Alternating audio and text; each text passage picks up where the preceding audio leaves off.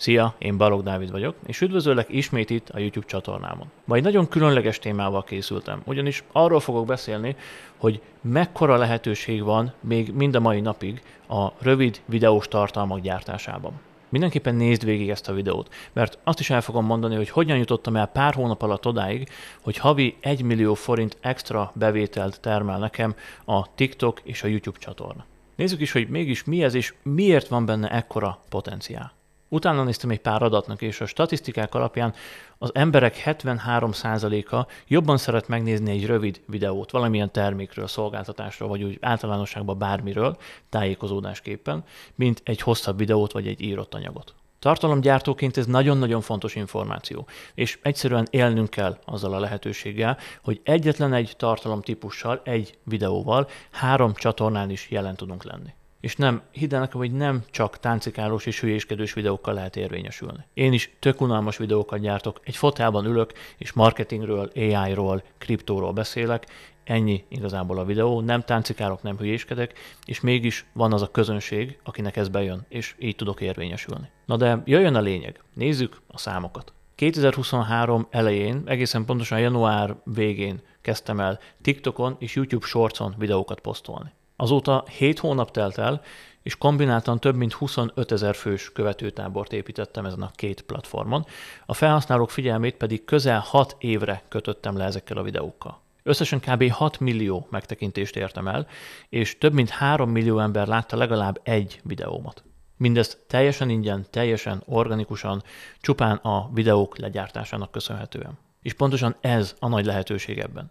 Egy olyan tartalomtípusról beszélünk, ami nem igényel nagy elköteleződést. Amíg egy YouTube videót nézünk, vagy egy blogposztot, amit kitettél a weboldaladra, ott gondolkoznia kell valakinek, hogy szállna arra időt, 5-10-20 percet, hogy megnézze, elolvassa azt a tartalmat. Ezeknél a rövid videóknál egyszerűen nincs ilyen. Jönnek az újabb videók, pörgetik az emberek a feedet, és egy-két-három másodperc alatt eldöntik, hogy azt az adott videót megnézik-e, vagy sem. Viszont mindenképpen elkezdik nézni a videódat, mindenképpen találkoznak veled, találkoznak a márkáddal, találkoznak a termékeddel. És minél több videót gyártasz, ez annál többször meg fog történni. És annak ellenére, hogy nem nézik végig mondjuk a videóidat, nagyon-nagyon sok találkozási pont lesz a potenciális vevőiddel, ügyfeleiddel és igazából ennek köszönhetően generáltam 8,4 millió forint extra árbevételt ez alatt a kb. 7 hónap alatt. Ez rengeteget teszteltem és rengeteget tapasztaltam.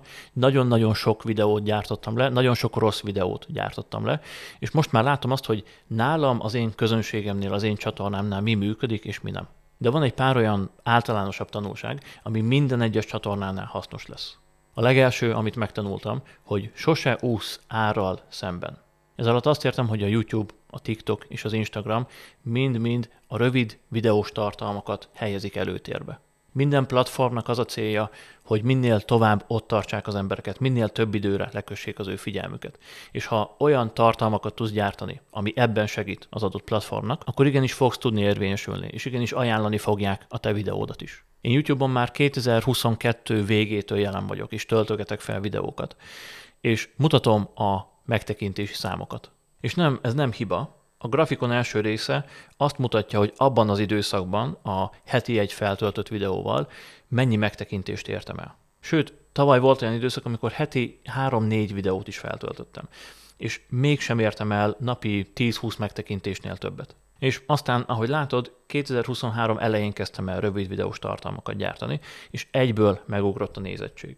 Volt olyan nap, amikor 114 ezeren látták a videóimat egyetlen egy nap alatt. Másfél év alatt ennek a töredékéig sem sikerült eljutni. Szóval, ha te is úgy érzed, hogy többre lennél képes, hogy több embert kellene, hogy elérjenek a tartalmaid, akkor lehetséges, hogy rossz platformon, vagy rossz médiummal próbálkozol, és megpróbálsz árral szemben úszni. A második, amit megtanultam, hogy a folyamatosság nagyon-nagyon fontos. Ez mind a három platformra igaz, de az Instagramnál kifejezetten hogyha nem töltesz fel legalább heti egy-két videót, akkor egyszerűen nem fog benned megbízni az adott platform, és az algoritmus nem fogja ajánlani a tartalmaidat. A harmadik, egy nagyon-nagyon fájó tanulság, hogy a minőség sokkal többet jelent a mennyiségnél. Egyetlen egy jó videó, amiben beleteszek mondjuk fél, egy óra kutatást, tervezést, gondolkodást, sokkal-sokkal több eredményt tud hozni, mint tíz olyan videó, amit csak úgy összecsapok. Persze addig nehéz jó videót csinálni, amíg nem tudod, hogy mire figyelj, nem tudod, hogy miről beszélj. Ezeket is le kell tesztelni, és ki kell tapasztalni. De nagyon fontos, hogy az adatokból tudj dolgozni, és ez alapján egyre jobb és jobb videókat gyárts majd. És végül a negyedik tanulság, hogy a social media platformok a legjobbak abban, hogy megismerhessd a közönségedet. Mivel annyira könnyű ide tartalmakat gyártani, és annyira könnyű visszajelzéseket kapni, ezért ez egy tökéletes csatorna arra, hogy visszajelzéseket gyűjts az ügyfeleitől, a potenciális vevőittől.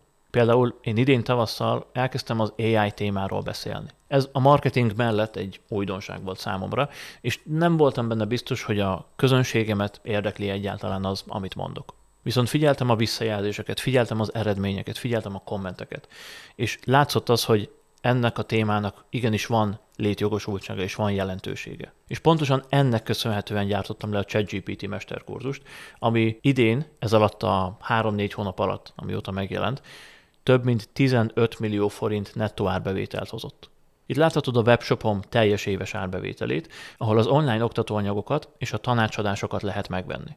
Ez idén majdnem nettó 23 millió forintot hozott, aminek nagy része profit, hiszen digitális oktatóanyagról és tanácsadásról beszélünk. Ez eddig pontosan négyszerese annak, amit tavaly hozott nekem ez a webshop. Persze ez az eredmény nem csak a rövid videós tartalmaknak tulajdonítható, de mégis nagyon nagy szerepük van benne. Ahogy említettem, segített a termékfejlesztésben is, hiszen ennek hatására jött létre egy új oktatóanyag, és nagyon-nagyon megugrott az érdeklődés az oktatóanyagok és a tanácsadás iránt is. Az analitikai adatok alapján, ami kifejezetten a rövid videós tartalmakból érkező bevétel, az 8,4 millió forint, tehát durván havi 1 millió forint. És ennyi fér bele a mai videóba.